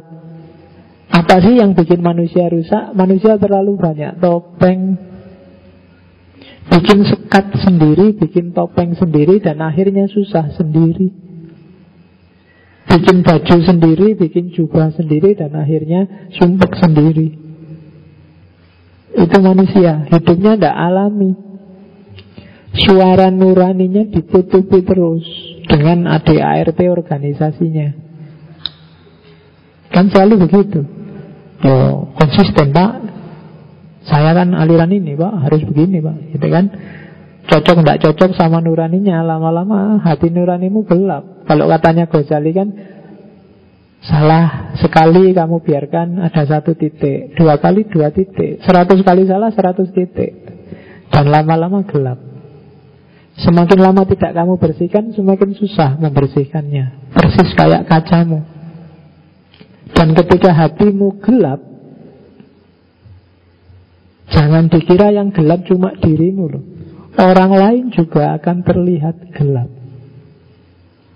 Itu kayak cerita ada orang yang pindah ke rumah baru. Sore-sore dia lihat dari jendelanya, loh, tetanggaku di sini kalau nyuci kok tidak bersih semua ya, kotor semua ya. Begitu dia, iya ya, sini kok airnya kotor, tapi lama-lama dia sadar ternyata bukan tetangganya yang nyucinya nggak bersih jendelanya jendela kacanya yang nggak bersih jadi dia melihat cucian tetangganya yang kotor. Kalau hatimu gelap tidak cuma dirimu yang gelap tapi orang lain akan tampak gelap bagimu. Akan kelihatan jadi orang sesat semua orang rusak semua. Padahal yang rusak dirimu. Nah, kenapa? Kamu tidak natural? Suara nuranimu kamu hentikan sendiri, kamu kotori sendiri. Jadi irama alam. Kalau ini hubungan sosial. Dikatanya Gibran, engkau saudaraku. Siapa pun kamu. Karena kita berasal dari satu jiwa Yang suci dan sempurna Kalau bahasanya Al-Quran kan Wanafakhofihi min ruhi Semua manusia Ditiupkan ruhnya Allah ke dalam dirinya. Apakah itu nanti manusia Amerika Apa manusia Jerman apa manusia Syiah apa manusia Ahmadiyah Itu juga wanafakhofihi min ruhi. Karena kita berasal dari satu jiwa. Engkau sederajat denganku Karena kita abadi bersama Siapa pun orangnya yang menganggap orang lain tidak sederajat Berarti dia punya pikiran ada tinggi ada rendah. Karena dia memposisikan dirinya lebih tinggi dengan orang lain sebagai yang lebih rendah. Menganggap orang lain sesat itu berpikir hierarkis. Menganggap orang lain salah dan dia sendiri yang benar itu berarti memposisikan dirinya di atas, yang lain di bawah. Begitu orang punya pikiran atas bawah, ada superior inferior. Di situ ada benih kemusyrikan. Karena yang boleh atas bawah itu hanya kholik dan makhluk. Begitu dia makhluk levelnya sama. Tidak boleh orang merendahkan yang lain Atau merelakan dirinya direndah-rendahkan Karena begitu itu terjadi Ada hierarki. Begitu ada hierarki ada atas bawah. Ada yang mendominasi Ada yang didominasi. Begitu gejala sosial ini terjadi Maka struktur masyarakatnya adalah struktur masyarakat yang Mendoakan Allah. Ada yang punya kuasa kayak Allah. Ada yang di atas Ada yang di bawah. Makhluk apa pun itu dia sejajar. Hanya beda fungsi Itu aja Itu maunya Gibran. Jadi kita abadi bersama Dari tubuh yang diciptakan Dari tanah yang sama. Karena itu semua manusia Aku cintai. Ditegaskan lagi Iya Mereka sangat aku cintai. Engkau saudaraku dan aku mencintaimu. Kucintai dirimu selagi bersujud di masjid. Berlutut di kuil Dan berdoa di gereja Ini tidak sama dengan aku akan jadi Islam, juga jadi Hindu, juga jadi Kristen. Tapi siapa pun kamu, meskipun dia Kristen yang disebut pertama masjid loh. Kucintai dirimu waktu engkau sujud di masjid, berlutut di kuil, dan berdoa di gereja. Oke, itu manusia. Manusia di mataku ada tiga. Yang pertama, orang yang mengutuki kehidupan, selalu mengeluh, selalu protes, selalu komplain. Yang kedua, orang yang memberkatinya. Orang yang memberi banyak manfaat dalam kehidupan. Yang ketiga, dan orang yang merenunginya. Berpikir, merumuskan ideal-ideal untuk hidup. Orang pertama, kucintai karena penderitaannya. Kasihan loh orang yang selalu mengeluh, selalu protes, selalu komplain, selalu demo, pasti dia menderita sekali. Susah sekali hidupnya dan ku cintai dia karena itu. Jadi yang pertama ku cintai karena penderitaannya.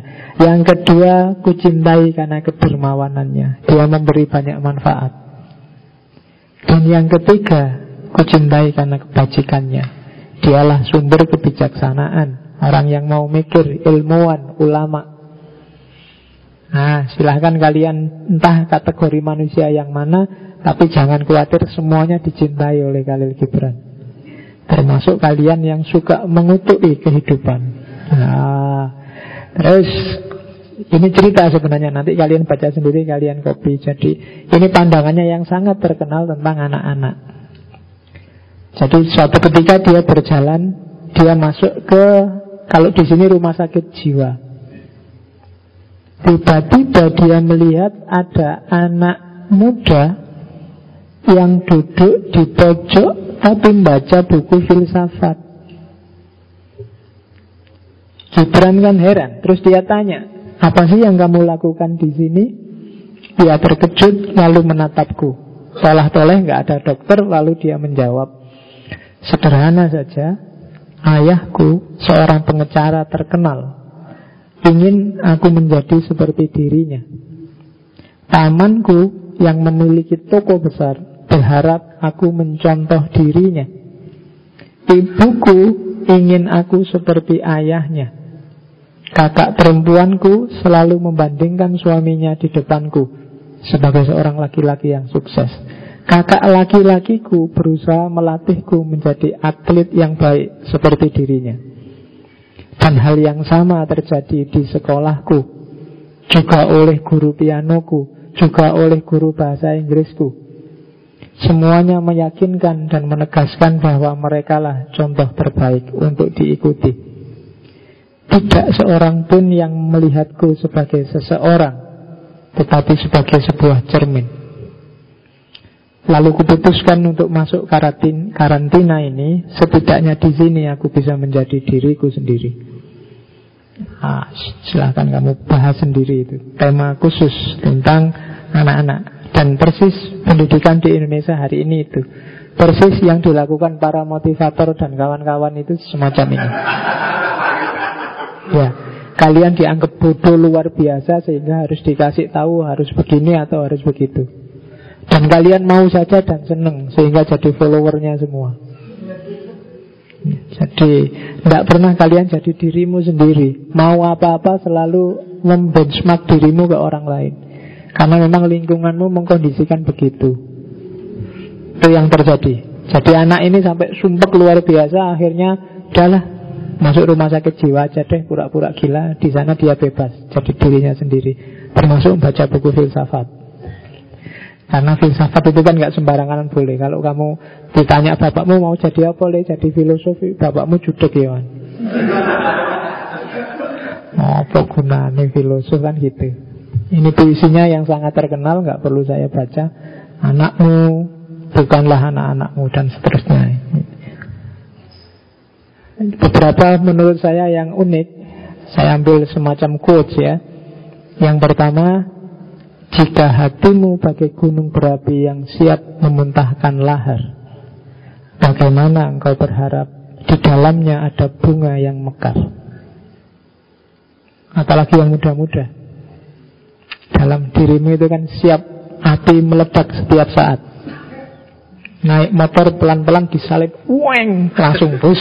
Oh, wah, tancap gas. Ya kan ada apa-apa kan langsung naik.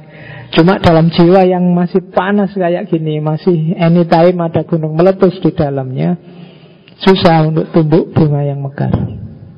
Itu sekalian kontekan dengan hidupmu sendiri. Menaklukkan nafsu maksudnya. Karena ketika nafsu tidak ditaklukkan, bunga-bunga tidak akan bisa tumbuh. Terus ini untuk kreativitas. Tuhan menciptakan pada diri kalian jiwa yang bersayap untuk terbang, mengarungi cakrawala cinta dan kebebasan. Betapa sedihnya memotong sayap itu dengan tanganmu sendiri, menyiksa dirimu seperti kutu yang merayap di atas bumi. Ini hati-hati kalian Ada banyak sekali klaster aliran Pemikiran Mazhab Kelompok Organisasi Yang sering kali tidak sadar Kalian seperti memasang belenggu di tangan sendiri. Pikirlah baik-baik Karena hakikatnya jiwamu adalah jiwa yang bebas Dan bersayap Siap untuk terbang setinggi apa pun. Hanya kalian sendiri yang bikin kurungan sendiri untuk jiwamu yang sebenarnya bebas. Itu Gibran. Ini yang khas. Dia wanti-wanti. Menjauhlah dari kebijaksanaan yang tidak bertumbuh tangisan. Dari filsafat yang tidak berbuah tawariang. Dan dari kebesaran yang tidak tunduk di hadapan anak-anak. Kebijaksanaan yang tidak ada tangisan berarti tidak akan mungkin jadi bijaksana karena dia arogan. Jadi kebijaksanaan yang semena-mena, yang tidak peka. Karena sering-sering yang butuh kebijaksanaan itu yang tertindas, yang butuh kebijaksanaan itu yang hidupnya sumpek, yang sedang terjepit, mereka lah yang banyak butuh kebijaksanaan Yang sudah senang, sudah sukses Sudah jaya biasanya nggak terlalu care dengan kebijaksanaan. Maka mereka yang mengeluarkan gagasan kebijaksanaan Tapi tidak bisa nangis Berarti dia tidak bisa membaca ketertindasan nggak bisa membaca kesulitan, kesusahan. Jangan percaya dengan orang yang ngomong hikmah, ngomong kebijaksanaan Tapi tidak bisa nangis. Apalagi yang isinya hanya marah-marah. Yang kedua Filsafat yang tidak bisa ketawa. Iya Karena filsafat itu berpikir serius Mendalam. Orang yang ngerti filsafat Pasti lebih banyak ketawa Menertawakan dirinya. Menertawakan Betapa manusia itu lucu cara berpikirnya, cara hidupnya, tidak konsistennya, macam-macam. Orang dalam filsafatnya pasti mudah ketawa. Semakin kamu tidak gampang ketawa, sebenarnya semakin tidak filosofis. Ini katanya Gibran loh. Jadi semakin kamu serius, filsafat kok hasilnya mengkerut. Nah itu berarti belum ketemu kamu. Kalau sudah ketemu, biasanya ketawa. Jarang loh orang menemukan pengetahuan kok terus sedih. Biasanya riang, ketawa. Archimedes itu begitu nemu hukum Archimedes Nemunya kan waktu mandi Langsung bangkit, eh mereka Ketemu, lari keluar Tidak pakai baju. Saking senengnya itu. Ya kan? Jadi filsafat yang tidak berbuah tawar yang bukan berarti salah tapi hati-hati. Lebih baik menjauh aja. Biasanya cuma bikin rumit hidupmu. Oke. Dan yang ketiga kebesaran keagungan yang tidak tunduk di depan anak-anak. Kalau ada yang coba dicek ya, tidak ada orang yang tidak sayang, tidak tunduk. Kalau ada anak kecil lucu biasanya mesti sayang. Ketidaktundukan pada anak-anak biasanya alamat dari matinya hati. Tidak peka. Siapa pun orangnya biasanya sayang sama anak kecil. Paling enggak meskipun enggak enggak kepingin menyentuh, tapi ada rasa lucu ya, unik ya, khas ya. Ketika itu nggak ada berarti batin mati. Tiga-tiganya adalah ciri dari batin yang tidak hidup. Kebijaksanaan tanpa tangisan, filsafat tanpa tawariang, dan kebesaran tanpa anak-anak. Kebijaksanaan tidak lagi kebijaksanaan apabila ia menjadi terlalu angkuh untuk menangis, terlalu serius untuk tertawa, dan terlalu egois untuk melihat yang lain kecuali dirinya sendiri. Tidak usah dibahas. Kenapa kita menutup mata ketika tidur, ketika kita menangis, ketika kita membayangkan? Itu karena hal terindah di dunia tidak terlihat oleh mata.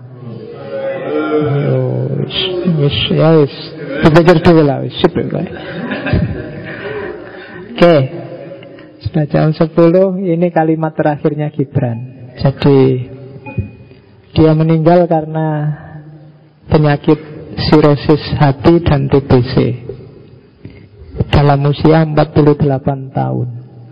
Nanti yang mewarisi perpustakaan kecilnya itu yang Josephine pribadi. Dan ketika dia beres-beres, ada catatan terakhirnya Gibran. Di dalam hatiku masih ada sedikit keinginan untuk membantu dunia timur. Karena ia telah banyak sekali membantuku. Itu kalimat terakhirnya karena dia merasa aktivitasnya sebagian besar memang di barat.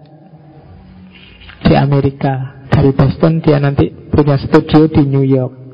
Dan dia merasa banyak utang sama Libanon, sama dunia timur, India, Cina. Dan dia merasa tidak terlalu banyak memberi kontribusi. Meskipun pikiran-pikirannya juga hari ini banyak sekali dimanfaatkan oleh orang-orang dari dunia timur. Tapi dia merasa masih kurang. Maka itu dia bilang dalam hatiku masih ada sedikit keinginan untuk membantu dunia timur karena ia telah banyak sekali membantuku. Oke, itu Gibran. Saya agak susah mempresentasikannya karena harus loncat-loncat. Materinya sangat banyak dan panjang. Ini slide zaman bikin skripsi itu tak bikin slide ada sekitar 150-an slide. Cuma saya harus motong-motong, milih-milih yang kamu bisa nangkep. Itu pun kamu kan, ah berat-berat mesti gitu kan. Tapi ya wis ora apa itu. Ada banyak yang bisa diambil dari Gibran. Pikiran-pikirannya luar biasa. Bagi yang tertarik Gibran, saya, saran saya paling tidak bacalah Sang Nabi. Itu masterpiece-nya. Syukur-syukur yang lain. Dan sekarang hampir semua bisa di-download gratis. Ya, carilah beliau yang namanya Khalil Gibran. Oke, minggu depan kita ketemu idolanya Khalil Gibran. Rabindranath Tagore. Ada apa dengan orang ini? Jangan salah. Karyanya bahkan komposisi lagunya dijadikan lagu kebangsaan dua negara. Pengaruhnya besar dan luar biasa. Khususnya di Kepulauan Hindia termasuk Bangladesh, Mengali, India dan sekitarnya. Kita ketemu minggu depan dengan Tagore. Oke, saya kira itu semoga ada manfaatnya. Wallahul muwafiq wallahu a'lam bissawab wal afu minkum wassalamualaikum warahmatullahi wabarakatuh.